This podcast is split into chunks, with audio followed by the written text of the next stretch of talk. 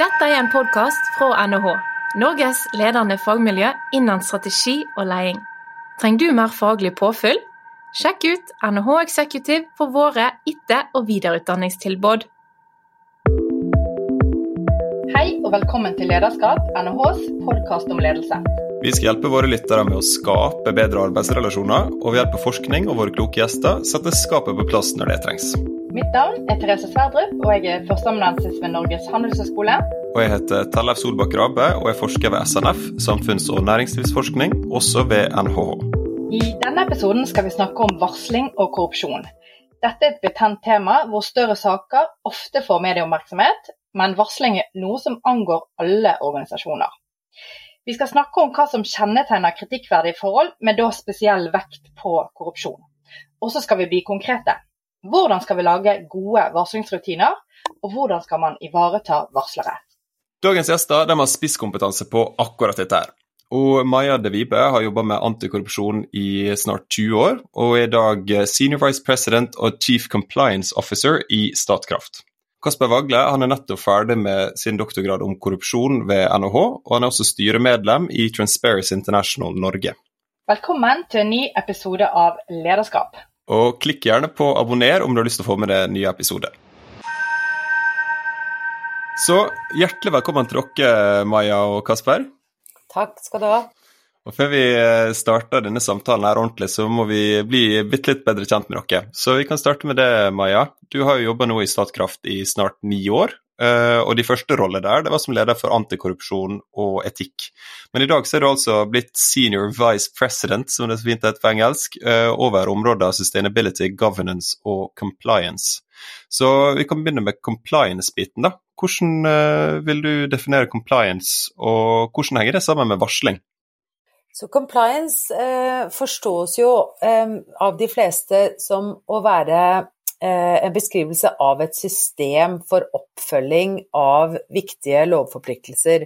Og det er jo gjerne lovforpliktelser som det knytter seg eh, høy risiko til eh, for et selskap. Det kan være omdømmemessig eller juridisk finansiell risiko akkurat hva som defineres inn i scope, litt, varierer litt fra selskap til selskap. Men ofte så vil man se det dekke temaer som korrupsjon, misligheter, eh, hvitvasking.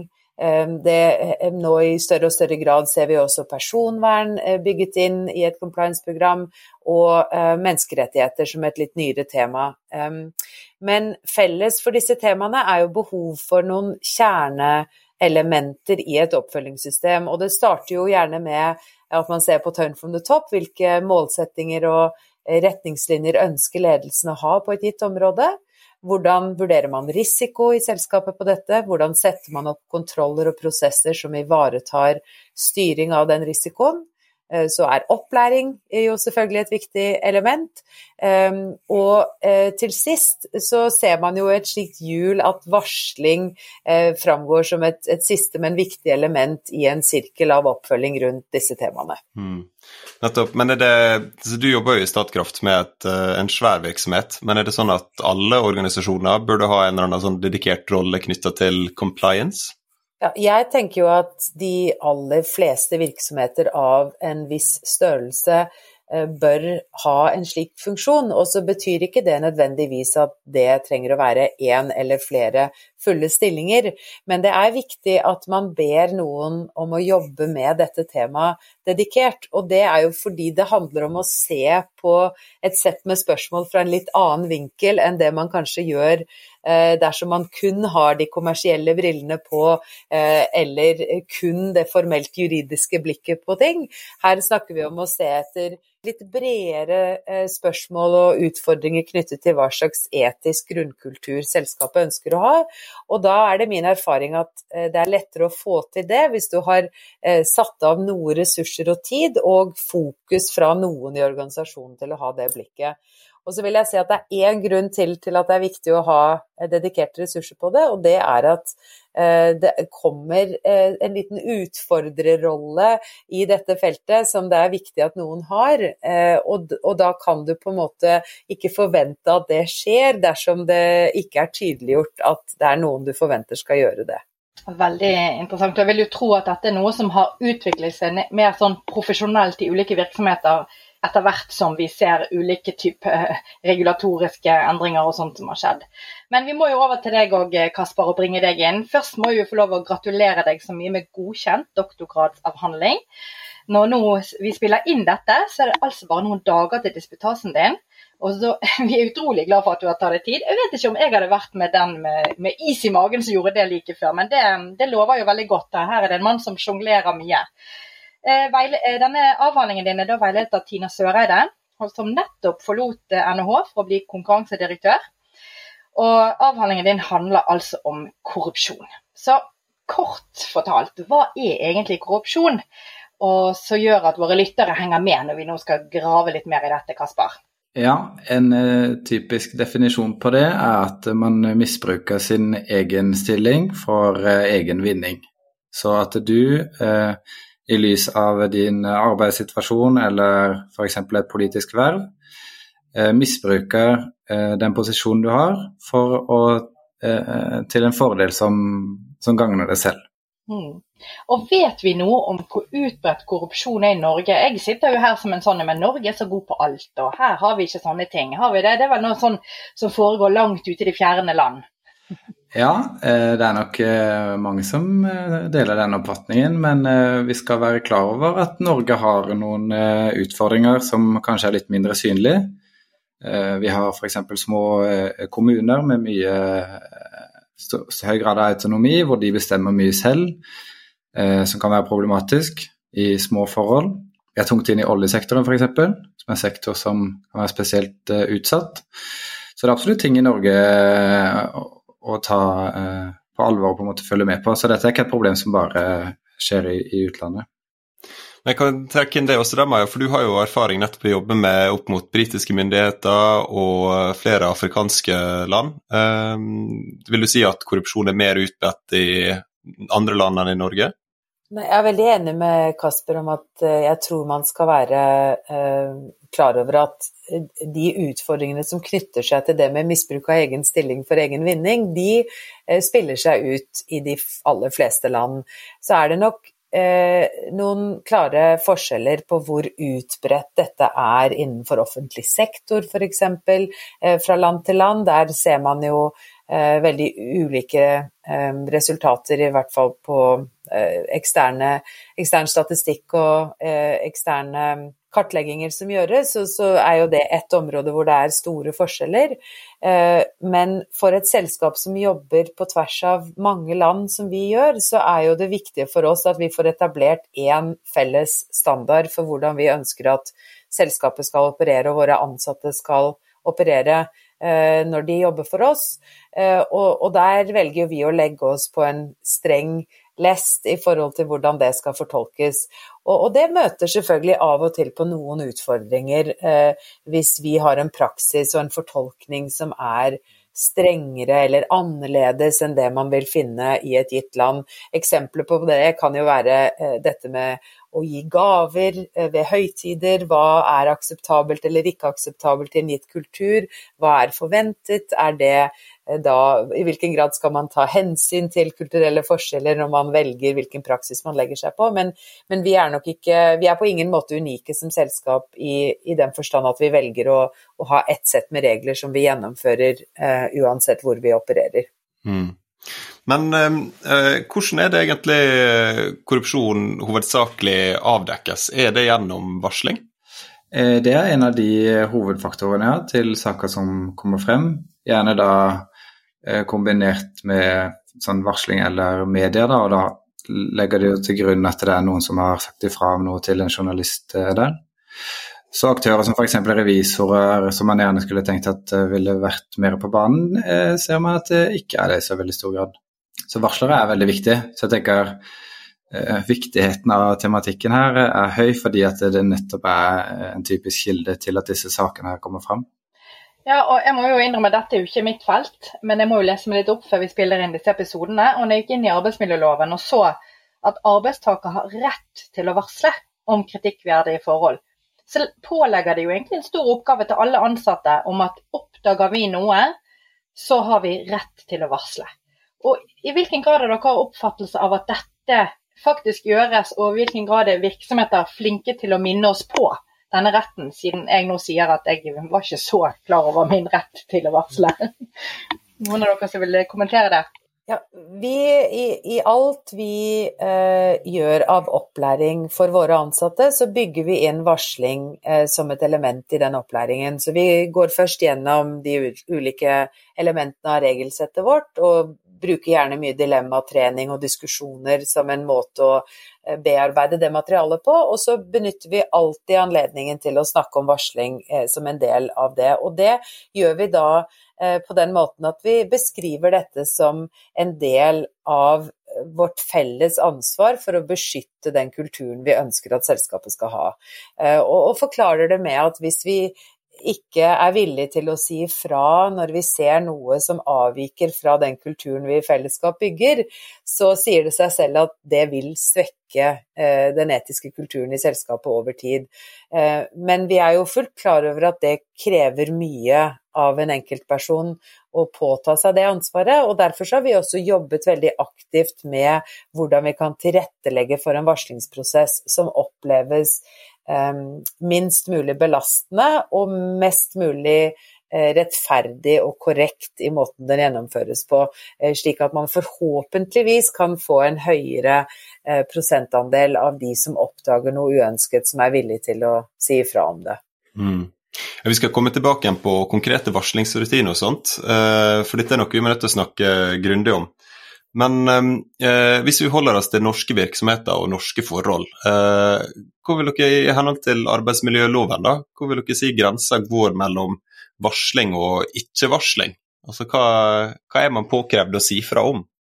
Eh, varsling er jo eh, etter norsk lov da, når en som eh, er et eh, arbeidstakerforhold varsler om noe som er kritikkverdig, til en person som har eh, en makt til å eh, gjøre noe med det varselet. Da mm. faller du innenfor det å, å varsle. Eh, mm. Utenfor der så er det en, en ytring da, at du f.eks. Eh, i lunsjen forteller om noe kritikkverdig til din kollega i en annen avdeling mm. som ikke har muligheten til å gjøre noe med dette. Da er det ikke regnet som et varsel. Mm. Vi har jo valgt å definere eh, varslingsprosessen ganske vid i, i, den forstand av hvilke forhold som det skal varsles om, i tråd med det eh, Kasper sa eh, innledningsvis i sin kommentar. Og det har vært gjort veldig bevisst fordi vi tenker at det er eh, viktig at den ansatte opplever at alle brudd på våre leveregler eh, eller gjeldende lover og regler er noe det er ønskelig at man sier ifra om. Og så vil det selvfølgelig i behandlingen av varsler, så vil det gjøres en skjønnsmessig vurdering av hva som er riktig oppfølging av et gitt varsel.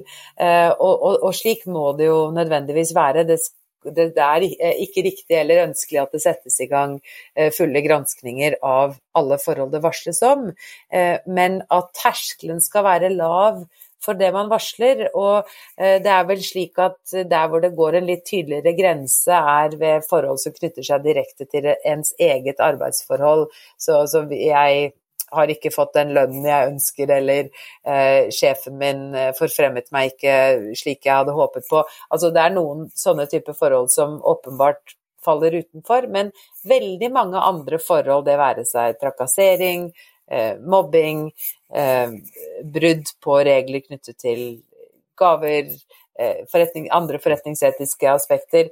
Eh, det er en ganske stor bredde av temaer man kan se for seg at det kommer varsler på. Og, vi, og hos oss så ser vi også det i praksis, at vi har en, en stor bredde av ulike typer saker som kommer opp. Mm. Altså her kan jo det være sant, veldig ulik alvorlighetsgrad i, i, type ting man varsler om. Uh, vi skal gå litt inn på liksom, ulike typer varsel også, men jeg må jo, eh, kan spørre deg da først, Kasper. Hvor vil du si at grensa går mellom vennetjenester og inhabilitet? For jeg må jo nesten flagge at du er forloveren min. sant? Så, så, men ingen av våre gjester får honorar for å delta i podkasten. Ja. Nei, det er en, eh, på en måte den grå gråsone der. Og det er ikke alltid like, nødvendigvis like lett å, å, finne ut av hvor på en måte det, det skillet går. Eh, og det krever også eh, nettopp at det jobbes med eh, denne, disse problemstillingene for at den enkelte skal kunne ha muligheten til å på en måte lukte litt, da. Om lukter dette her rart, da må man kanskje snakke om det. Man må være åpen om det, si fra til, til sin nærmeste ledere. For noe som er viktig for oss som jobber med dette her, det er at utfallet kan være det samme uavhengig av om det f.eks. er en vennetjeneste, eller om det er inhabilitet, eller om det er korrupsjon. Og I regelverket så er korrupsjon, grov korrupsjon har en strafferamme på opptil ti år i fengsel. ikke sant? Det anser vi som veldig alvorlig i, i samfunnet. Eh, mens f.eks. habilitet ikke har de samme Hvis du bryter eh, habilitetsreglene, så risikerer du ikke ti år i fengsel. ikke sant? Men utfallet kan være det samme. Det at eh, du f.eks. Fikk bygge det bygget du søkte om, da. Om det var fordi at han som behandla saken din var en venn, eller om du betalte bestikkelse, så kan utfallet være det samme. Og Det tenker jeg kan være eh, liksom, interessant å ha med seg, eh, ha litt i bakhodet da, når man tenker på disse her problemstillingene. Og bruke skjønn, da. Et godt skjønn når det kommer til, til, de vurderingene, og være åpen om det. og, og og, og lufte disse ideene da, der du er usikker. Bare for å følge på det Kasper sier. Jeg, jeg tenker for, for, oss som et selskap, så vi er jo opptatt av hvordan eh, vi bygger kultur over tid, og hvordan vi oppfattes som en aktør eksternt. Og da blir de mindre tingene også viktige. Så det er klart man er jo aller mest opptatt av å unngå eh, de grovere og mer alvorlige formene for korrupsjon. Men mindre forhold knyttet til eh, dårlig håndtering av habilitetsspørsmål eh, f.eks., eh, kan også få en ganske stor negativ effekt for omdømmet til selskapet og troverdigheten til selskapet, f.eks. i anskaffelsesprosesser i, i, i en lokal setting. Så når vi jobber med disse temaene internt, så pleier vi å, og, og, og, snakke om at du starter selvfølgelig med et spørsmål om er dette lovlig, men så må du fortsette den spørsmålsstillingen med er det etisk forsvarlig? Eh, ville du være komfortabel dersom denne atferden publiseres eksternt? Ville det være greit om alle gjorde det? Og etter hvert som du stiller disse tilleggsspørsmålene, så snevrer du gjerne ned litt feltet av hva du tenker er en akseptabel måte å agere på, også i forhold til ting som, som interessekonflikter og habilitetsutfordringer. Mm. Det er jo veldig interessant, for det, det høres ut som noe da, sant? Du, du går i noen stiger, eller noen steg i en stige. Eh, og man, de fleste vil tenke at ja, men det var ikke ulovlig. Men så beveger man seg over i hva er etisk forsvarlig, som du kaller det. sant? Og så gjelder det da for våre eh, ja, kollegaer og, og, ledere å finne denne linjen. Mm. Og, og, hvor går vi til da, når vi skal finne ut om det er etisk forsvarlig eller uforsvarlig? Er det i oss selv, eller er det regelverket til bedriften? Er det da kulturen dere snakker om? Hvor, hvordan orienterer man seg? Jeg kan jo hoppe inn med et kort svar på det.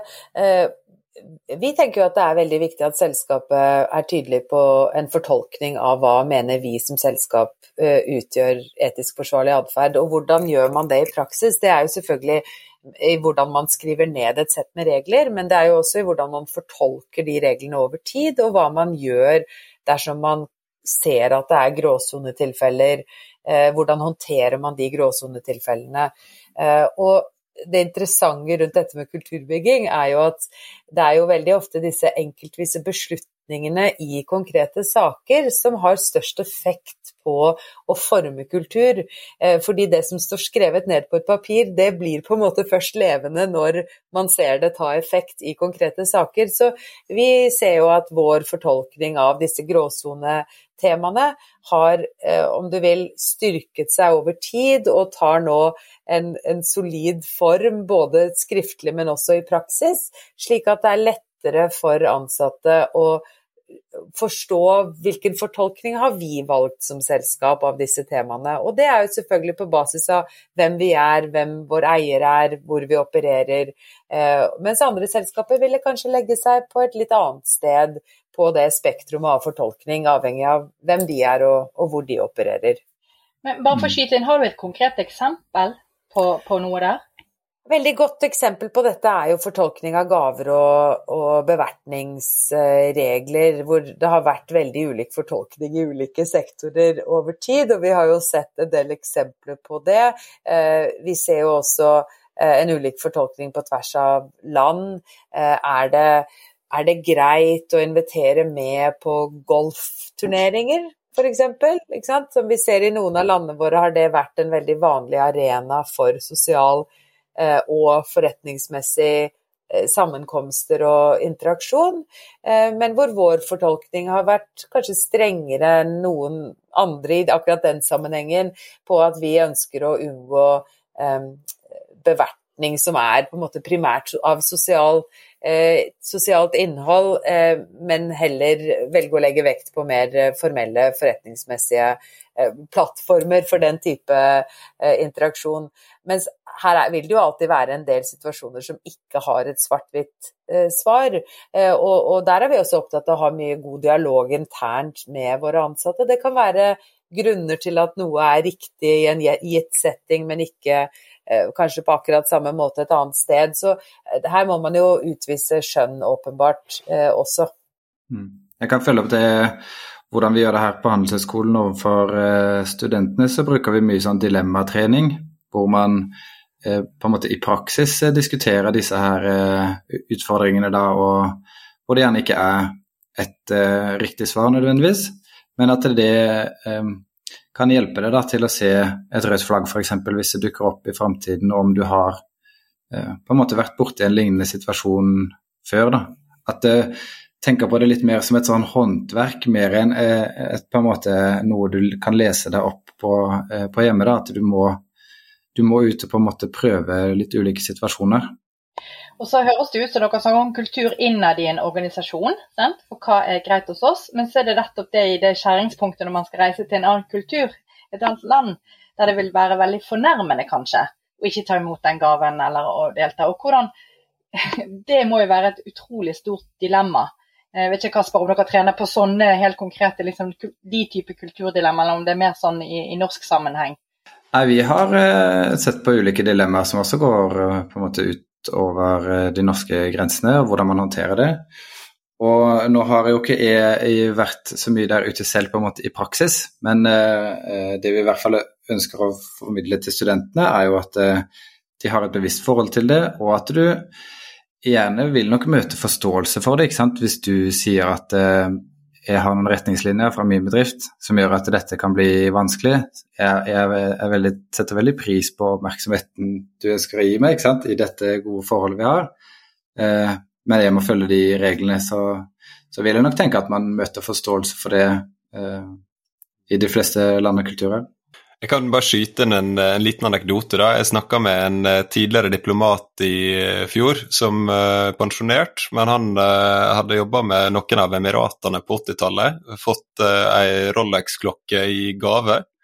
Og så hadde han rapportert om det til UD da, og sagt at jeg har fått den her i gave, hva skal jeg gjøre? Og så har de nei, de ville vært fryktelig fornærma hvis du ikke brukte den, så den må du nødt til å passe på å gå med hver gang du er der nede. Og klokka den har han ennå. Det... Ting har forandret seg, er det det du prøver å si? det, kan, eh, det, kan, tenkes, men sånn var det i hvert fall på 80-tallet. men da ser man kanskje dilemmaet òg, da, når også altså den norske stat instruerer om at det er akseptabel atferd. Ja, og fram til 1993 så kunne man jo skrive av bestikkelser i utlandet på skatten som en, en utgift, så det er klart at ting har endra seg ganske mye på relativt kort tid. Men jeg tror det som kanskje, både i forhold til det med å bygge kultur og hvordan man ønsker at selskapet skal opptre, men også knyttet inn mot varsling. Det som jo er mer krevende for mange selskaper, det er jo at vi eh, er jo mer enn våre ansatte.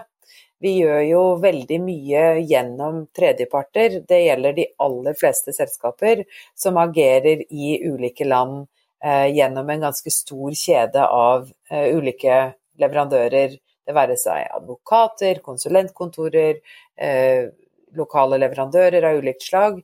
Og i henhold til korrupsjonslovgivning, det er jo litt variasjon på tvers av land her, men eh, som et generelt prinsipp så strekker jo ansvaret seg lenger enn det dine egne ansatte eh, kunne finne på å gjøre. Og, og, da er man jo over i et mye mer krevende terreng, selvfølgelig, i forhold til å bygge eh, en forståelse for en eh, alignment rundt ens eget sett med standarder og prosesser, eh, men også dette rundt varsling og avdekking av problematiske forhold, som blir mye mer krevende så fort man beveger seg utenfor selskapets egne dører. Eh, så, så det er også noe vi eh, har brukt ganske mye krefter på hos oss, på å identifisere de typer relasjoner hvor ekstra oppfølging er nødvendig fordi en tredjepart representerer deg enten inn mot offentlige myndigheter eller i en utvidet forstand over lengre tid, eh, hvor man er på en måte nødt til å forsøke å få innlemmet den aktøren i det samme kontrollrammeverket som man har etablert for eget selskap. Mm. Ja, og Vi eh, er jo veldig glad for å ha dere her for å nå snakke rundt nettopp varsling av ulike saker. og Vi er jo enige om at altså, det kan varsles om, om, mye forskjellig, enten det er seksuell trakassering, eller mobbing, eller politiske tjenester, eller inhabilitet. Det er veldig mange ting. men kanskje per straffeloven, som du sier, Kasper, så er det vel økonomisk kriminalitet eller grov korrupsjon som vi kanskje blir regnet som, som mest alvorlig for arbeidsforhold. Så nå når vi har en uh, en straks nyslått doktor her da, på korrupsjon. Så eh, kan jeg spørre da, Kasper, hva, hva er egentlig konsekvensene av korrupsjon? Ja, det er ganske mange mulige konsekvenser av korrupsjon. Men du kan kanskje tenke på det litt som uh, f.eks. Uh, politiske konsekvenser. At du ikke får deltatt uh, i demokratiske prosesser, og at du kan miste tillit til staten. At det kan ha økonomiske konsekvenser for det, at du ikke kan drive bedriften din sånn som du vil, f.eks. Eller at det kan påvirke din eh, eh, helse, de omgivelsene du bor i. At eh, ikke sykebilen kommer og henter deg, f.eks. hvis du blir dårlig.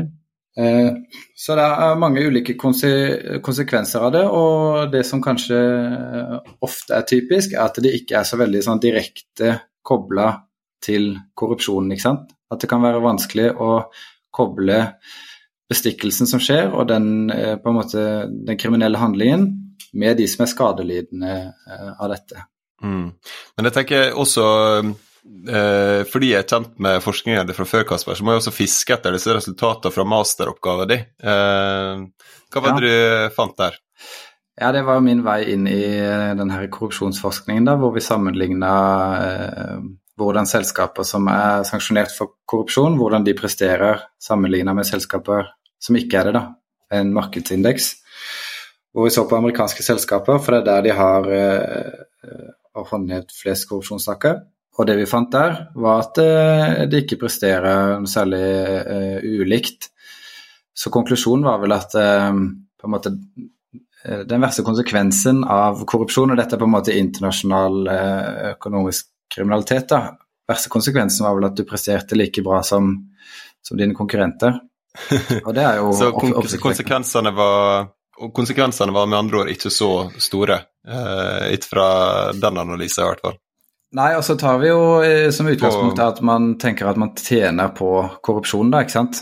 Så du har jo egentlig da alt å vinne på, på det. Eh, men så har jo ting endra seg. De her straffene blir større, og eh, det er flere som blir tatt. og Dette er jo noen år siden nå, så sånn der eh, Jeg, jeg ville ikke tenkt at eh, korrupsjon nødvendigvis var veien å gå, eh, basert på de resultatene. Mm. Men ut ifra din erfaring, Maja, er det altså, hvor mye større er omfanget ut ifra hva som faktisk blir kjent eller sanksjonert? Nei, jeg tror dessverre at uh, det omfanget er veldig stort. Uh, all forskning peker jo i den retning at det er eh, Kasper, det har du kanskje eh, prosentvis i hodet, men det er en liten prosentandel av det totale omfanget av korrupsjonssaker som blir avdekket. Og grunnen til det er jo eh, Det er jo flere grunner til det. Det ene er jo at korrupsjon har jo bare blitt mer kompleks etter hvert som lovene har blitt styrket og implementeringen av lovverket er styrket over tid, så eh, finner man dessverre også nye måter å skjule korrupsjonen på. Så en form som vi ser gjenta seg i en god del saker eh, eh, omtalt offentlig, er jo gjennom en veldig kompleks corporate structuring, sånn at man skjuler Dette ikke lenger dukker opp eh, i regnskapet som utbetalinger eller bestikkelser, men hvor man har eh, sikret små eierposter eh, skjult bak ulike lag av eh, selskapsstrukturer, og gjerne i skatteparadiser, hvor man gjennom en slik struktur får til en tilbakebetaling til viktige beslutningstagere. Så det er jo et eksempel på en måte å strukturere dette på som kan være ekstremt vanskelig å avdekke uh, for en utenforstående, ikke minst fordi skatteparadisene jo beskytter godt uh, informasjon rundt, uh, rundt, disse spørsmålene. Så, så, det tror jeg er en av grunnene. Og en annen grunn er jo at det er veldig ulik grad av politisk vilje i ulike land til å Eh, etterforske, og til å sette av tilstrekkelige ressurser i etterforskende organer til å følge opp korrupsjon. Så der ser vi jo stor forskjell på tvers av land. Eh, det finnes jo en god del store land hvor det nesten ikke har vært korrupsjonssaker avdekket de siste 10-15 årene. Eh, men så ser man et eksempel som Brasil, som har hatt en veldig aktiv tiårsperiode med mange og store og komplekse saker rullet opp. Eh, så det er nok en, en, en, god blanding av ulike grunner. Og så er det jo et problem, en utfordring med dette, da, er jo siden det er kriminelt, så er det jo ingen som skriver dette ned i noen årsrapporter eller Så man vet jo ikke eh, så mye om nødvendigvis eh, omfanget her, ikke sant. Og det er vanskelig å måle effekten av ulike tiltak. Og nettopp korrupsjon har jo ofte eh, to aktører som gjerne begge to er tjent med at dette skjer, ikke sant. De, de, får gjerne begge en fordel av dette, mens de som er skadelidende, er noen andre. Og Derfor gjør det jo enda vanskeligere å oppdage det, ikke sant? for du har gjerne ikke noen som har f.eks. blitt utsatt for en kriminell handling som er veldig sånn direkte lider av dette selv. ikke sant? Jeg får jo et spørsmål, jeg skjønner at det er vanskelig å si noe om hva er omfanget når vi ikke vet. Eh, sant? Det skjules osv. Men vet eh, fra forskningen, Kasper eller Maja for den saks skyld, noe om hvor i i organisasjonen hvilket nivå vi finner dette. Må det være i toppledelsen for de største økonomiske utroskapssakene, eller kan eh, tjenestemenn, kvinner lenger ned i organisasjonen også klare å utøve store typer tap for organisasjonen? Jeg tenker Det første spørsmålet som er viktig å svare på der, er jo hva mener man med alvorlige saker? For det kan jo mm. forstås på to måter. Det kan jo forstås ved hvor store summer er det snakk om. Og er summene store nok, så følger det jo logisk at i de fleste selskaper så vil du måtte ha involvering av ledelsen på et mm. visst nivå for å kunne um, få godkjent uh, større utbetalinger. Så når du ser på de store, velkjente korrupsjonssakene hvor vi snakker om mangetalls millioner med dollar med utbetalinger i bestikkelser, så sier det seg selv at det er ikke noe en enkelt ansatt på et lavt nivå har muligheten til å utløse. Men hvis du tenker på eh, alvorhetsgrad som også noe som knytter seg til hvilke typer prosesser innenfor offentlig forvaltning man retter bestikkelsene mot, og hva man da lykkes med å undergrave av eh, det som er ment å være åpne, rettferdige, konkurransebaserte prosesser, så kan jo summene potensielt være langt mindre, men skadeeffekten ved at man rigger en anskaffelsesprosess for et viktig en viktig bygging av en offentlig infrastrukturprosjekt eh, kan jo potensielt bli ganske store. Eh, så der tenker jeg jo at eh, i hvert fall for oss så har det vært viktig å tenke rundt risiko ikke som et pengespørsmål. Altså ikke hvor er det vi har tredjeparter som har tilgang til store midler, men hvor er det vi har tredjeparter som agerer på våre vegne, som har en innflytelse på viktige offentlige prosesser hvor vi ønsker å unngå at det oppstår situasjoner hvor den innflytelsen utøves feilaktig. Da. Mm. Ja, Vi har jo vel noen større saker eh, som er ganske ferske i, i, Norge når det gjelder korrupsjon. Det aller siste som vi fortsatt kanskje ikke kjenner alle detaljene til, er vel Nordea. Eh, der det er snakk om å utbetale lån på opptil 150 millioner eller sånt. Men ja, Kasper, har du en kommentar på det? Ja, når det gjelder på en måte hvor i organisasjonen disse her som er involvert sitter, så tenker jeg i samme på en måte på linje med, med Maja at det er veldig unaturlig å tenke at der det er snakk om store verdier, der må det ha vært sant, en forankring i toppledelsen. Mm. Det som er interessant å observere, er jo at det er mye mer mellomledere som til syvende og sist man klarer å holde ansvarlig for dette. Fordi at de som da sitter i toppledelsen, klarer å, å skape på en måte nok distanse til den faktiske uh, korrupsjonshandlingen. ikke sant? til at man ikke klarer å holde de ansvarlig når saken til syvende og sist kommer opp for retten. Men akkurat denne Nordea-saken så var det nettopp eh, ansatte på lavere nivå da, i organisasjonen som er sikta. Eh, og eh, der har, virker det som om ledelsen i Nordea har samarbeida med myndighetene om rapportering. Så hvordan, hvordan fungerer det, da? Hvordan samarbeider man med myndighetene i sånne typer saker? Nei, jeg tenker at der er det Det kan være et eksempel på hvordan disse her mekanismene fungerer. Det, ikke sant? At det har, der har det kommet opp en sak, eh, og de har eh, tatt dette her videre til påtalemyndighetene. Da. Og da er det å, kontakte Økokrim og, og, beskrive situasjonen eh, som er din bedrift. da. Vi snakket jo om eh, innledningsvis at vi skulle gå litt inn i dette med, med, med varsling. Vi har snakket nå litt om, om korrupsjon og, og, hva dette er, hvor det sitter i organisasjonen, hvor utbredt det er osv. Men for å få vite om denne korrupsjonen, så er det vel stort sett gjennom varsling eh, dette skjer, vil jeg tro. Eller det var ikke noe som bare bryter ut og tilstår. Det var meg. jeg har bare båret på dårlig samvittighet, nå kommer jeg frem. Altså Det er noen som har fått vite noe, og da trenger vi gode eh, varslingsrutiner.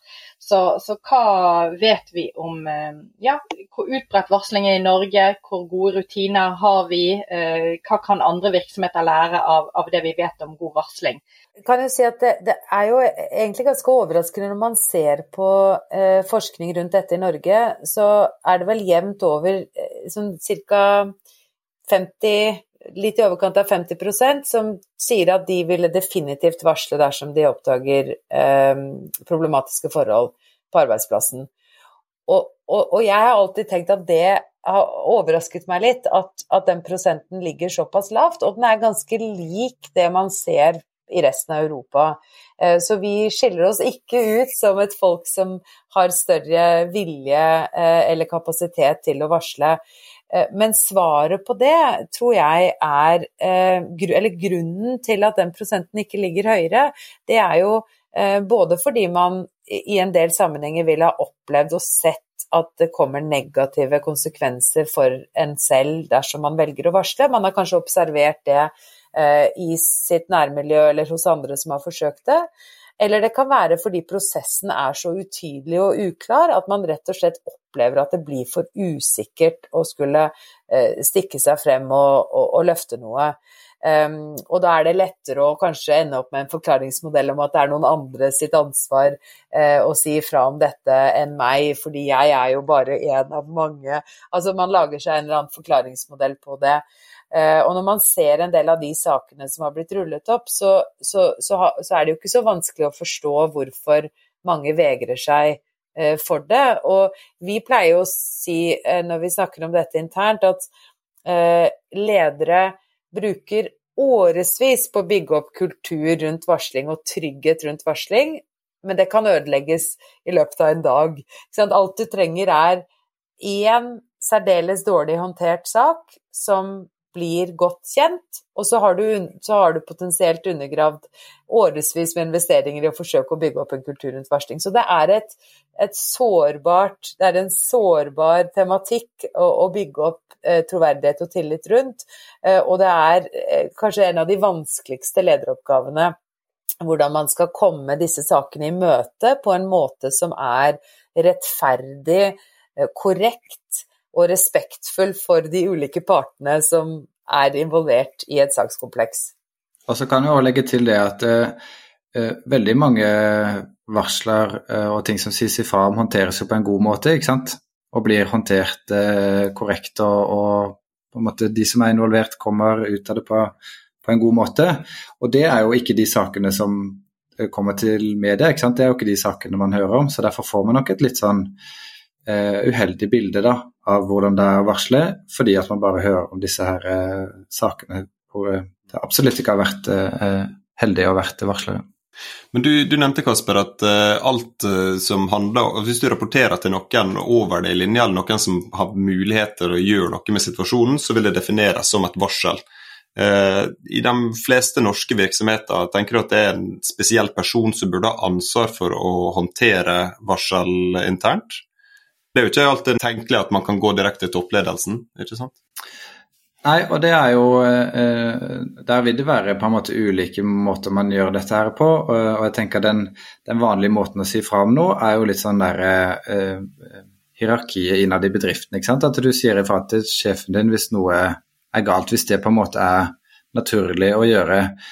Men hvis dette her handler om sjefen din f.eks., eller om sjefen over sjefen din, så vil det jo være problematisk å henvende seg der. Og Derfor er det viktig at man òg har alternativer, da, at man kan varsle på en måte utenom det, eh, det vanlige hierarkiet innad i bedriften f.eks.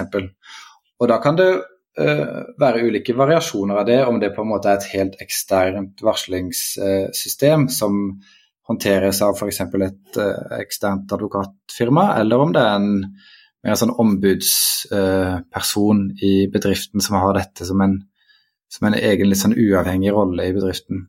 Mm. Altså verneombud? Ja, f.eks. Eller at man nå, sånn som de politiet har foreslått, at de skal få et eget eh, varslingsombud. ikke sant? At det blir, dette blir en person som, som har den stillingen til å, å drive med dette. Mm. Finnes det et godt uh, rammeverk for varsling? Altså litt sånn gangen i det, hva som er anbefalt? Ja, jeg så litt på deres eh, rammeverk i Statkraft. Eh, Maja, du kan jo kanskje beskrive litt hvordan det er? Vi har jo vært opptatt av det samme som du var inne på, Kasper, at eh, det skal være så lett som mulig for folk å løfte bekymringer eller problemstillinger. Og derfor så har vi også valgt en modell hvor man kan løfte eh, bekymringer eh, til egen leder i en vanlig hierarkisetting. Og igjen så viser jo forskninga at det er den aller mest vanlige og benyttede veien for å si ifra om noe, eh, fordi det er den naturlige kommunikasjonsflyten man gjerne har eh, med egen leder. Men vi har jo også valgt å etablere en uavhengig varslingskanal som forvaltes av konsernrevisjonen. Og vi har valgt å legge den der fremfor å legge den f.eks. hos oss uh, i compliance, fordi man mente at det var formålstjenlig å ha en enda større grad av uavhengighet enn det vår funksjon ville muliggjøre, og at det kan være situasjoner hvor vi har vært inne og rådgitt, vært involvert i saker. Eh, så for oss så fungerer det godt å ha det eh, hos konsernrevisjonen, som jo har en direkte rapporteringslinje til styret, og hvor de vil vurdere hver enkelt sak, og, og hvorvidt det er mulig å De aller fleste saker håndteres jo internt Eh, gjennom en intern eh, granskning og oppfølging, men de vil også da ha muligheten til å benytte seg av eksterne eh, uavhengige granskere i, i, forhold hvor det er nødvendig. Og, og, jeg tenker jo at uansett hvor man legger, plasserer en varslingsfunksjon, så er, så er det et par ting som er viktige, og det er at det er tilstrekkelig kunnskap om hvordan Eh, disse prosessene skal gjennomføres. Det er mye juss i det, det er mye, eh, eh, mange prinsipper som er viktig å overholde, slik at rettssikkerheten til den enkelte ivaretas. Og så er det viktig at det er tilstrekkelig uavhengighet i hvordan prosessen forvaltes. Og det som Kasper sier, det betyr at du må ha definert opp hvordan dette skal se ut dersom varselet involverer en av topplederne i selskapet, hvor det er veldig nære bånd og tette relasjoner. Da hjelper det ikke å si at det er han som sitter på nabokontoret som skal håndtere prosessen. Da må du ha tilstrekkelig skritt vekk fra det, slik at man evner å se på innholdet i saken med et uavhengig og kaldt blikk. Så jeg tenker så lenge man sikrer de to elementene, så er det ikke så avgjørende akkurat hvor man, hvor man plasserer det, men for mange mindre for mindre selskaper så vil jeg tro at det ofte eh, vil bety at man må se hen til noe ekstern bistand også for disse prosessene. Ja, for dere var jo litt inne på det i sted, nettopp den opplevelsen vi som bare leser i media, at det å varsle virker litt skummelt. Fordi vi leser om disse som ikke blir trodd, de blir ikke hørt, de havner til slutt i uføretrygd. Fordi at det, det, det går egentlig på psyken løs, fordi at du blir mistenkt og, og mistrodd over å komme med noe som ingen andre ser gjerne. sant? Så, så, det virker jo nesten som at Og det er jo veldig synd, som du sier òg, Kasper, godhistoriene får vi ikke lese om. Vi får lese om de virkelig ille historiene som kanskje kan skremme folk vekk. Og da blir det jo desto viktigere for en bedrift eller virksomhet i seg selv å, å fremheve nettopp eh, Jeg syns de kriteriene du snakket om er veldig gode. Sant? Det er uavhengighet, og du blir møtt med forståelse og sant? ikke fordømmelse. Eh, for det var nettopp det som, eh, som er noe av grunnlaget for å, starte på en god prosess. Jeg kan bare skyte inn hvis måte noen bedriftsledere der ute ønsker på en måte mer informasjon om det, så har Arbeidstilsynet har veldig gode sånne temasider knytta til dette. Hvor de både beskriver hvordan prosessen burde se ut, hvilke typer rammeverk som, som er, er, gode. Eh, så kan det være greit å se på hvis man ønsker å måte se litt på hvordan man skal gjøre dette i egen bedrift. Mm. Men eh, vi ser jo at mange av de sakene som sprekker i media, det har jo, virker jo som varsleren har gått videre nettopp fordi man, det har blitt dårlig håndtert internt. Eh, men har, har dere noen konkrete tips til hvordan man skal ivareta en varsler? Jeg tenker man må sikre eh, på en måte begge partene i varsel. ikke sant? Du må sørge for at varsleren blir eh, eh møtt med troverdighet, og at man eh, sikrer eh, f.eks. konfidensialitet til den som varsler, at eh, de eh, får tilrettelagt sin arbeidshverdag f.eks., sånn at de fortsatt skal kunne eh, gjøre jobben sin mens denne prosessen foregår.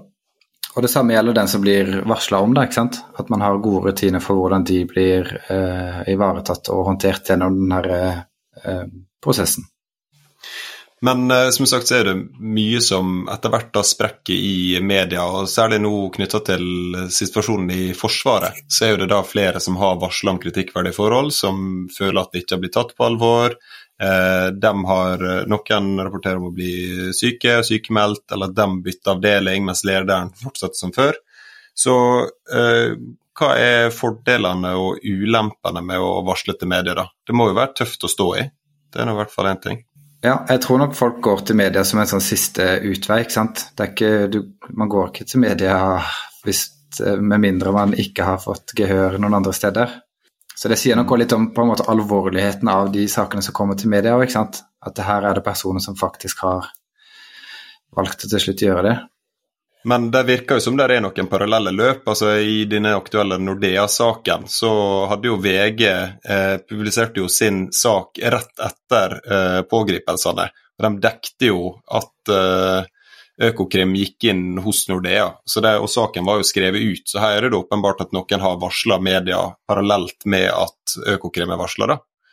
Eh, hva er tanken bak det? Vil dere spekulere litt rundt det, eller Maja? Nei, jeg tenkte egentlig bare som et litt mer generelt punkt at eh, selskaper eh, de Altså, man, man, ønsker jo å kunne håndtere ting internt. Og jeg tenker jo at det er et veldig viktig insentiv for nettopp å håndtere ting godt internt. Eh, at, at, man vet at den konsekvensen er, den potensielle konsekvensen er der, som, som jo er veldig skadelig fra et omdømmemessig perspektiv. Det er jo som Kasper var inne på, eh, det er veldig sjelden og vanskelig å få frem den andre siden av historien hvis man først har fått en ordentlig skrape på eh, noe som kan framstå som om det har vært dårlig håndtert internt, så er det jo ikke alltid at, at fremstillingen stemmer overens med, med, hvordan ting har vært. Men uansett så får, den, så får man et forklarings Eh, altså man, man, får et behov for å forklare eh, og eh, balansere det inntrykket, og det, det er krevende, eh, vil jeg tro, for, for, de fleste virksomheter. Så det i seg selv er jo et godt insentiv til å investere i en god internkultur og en god håndtering rundt dette. Så får man håndtert ting internt. Jeg syns vi er på vei inn å runde av her nå med gode tips på løpende bånd. Men er det noen eh, sånn siste tips dere ville gitt til ledere som sitter og lytter til dette på hvordan skal vi bli bedre på å håndtere varsel i, i egen organisasjon? Ja, jeg tenker at det er viktig å sikre denne muligheten for å varsle eksternt, eller utenom på en måte den vanlige, vanlige hierarkiet i bedriften, er viktig. Og å jobbe med eh, kulturen, sånn som jeg har vært inne på at det, er det som vil, jeg tenker i stor grad vil avgjøre om man tør å varsle og si fra, det er om man opplever at eh, det er en kultur som legger til rette for det. Og kanskje som et siste tilleggspunkt til det, eh, å huske på at, at eh, fordelen med å, ha, å bygge en, en, god tillitsbasert kultur for varsling, er jo at det kan være en viktig eh, temperaturmåler på hvorvidt man har utfordringer i ulike deler av virksomheten. Så det trenger ikke nødvendigvis å være knyttet til store, kompliserte saker, eh, men det kan være en en tidlig varsling om at eh, her har vi potensielt en utfordring i forhold til graden av etterlevelse av selskapets eh, prinsipper og standarder, prosesser, eh, som kan være en veldig nyttig ting å ta tak i, nettopp for å unngå at ting kan utvikle seg til å bli mer alvorlig.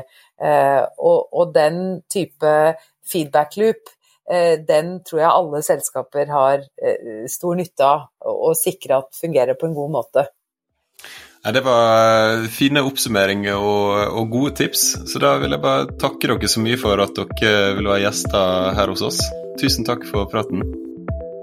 Du har nå hørt på Lederskap, NHHs podkast om ledelse. Mitt navn er Therese Sverdrup. Og jeg heter Tellef Solbakk Rabe. Kom gjerne med tilbakemeldinger eller innspill til tema. Og Du finner kontaktinformasjonen vår på NHH sin hjemmeside, eller så kan du skrive til oss direkte på Twitter eller på LinkedIn. Og om du likte det du hørte, så blir vi veldig glad om du vil abonnere og dele episoden med dine kolleger.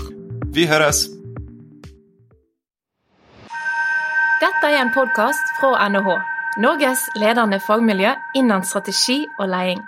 Trenger du mer faglig påfyll?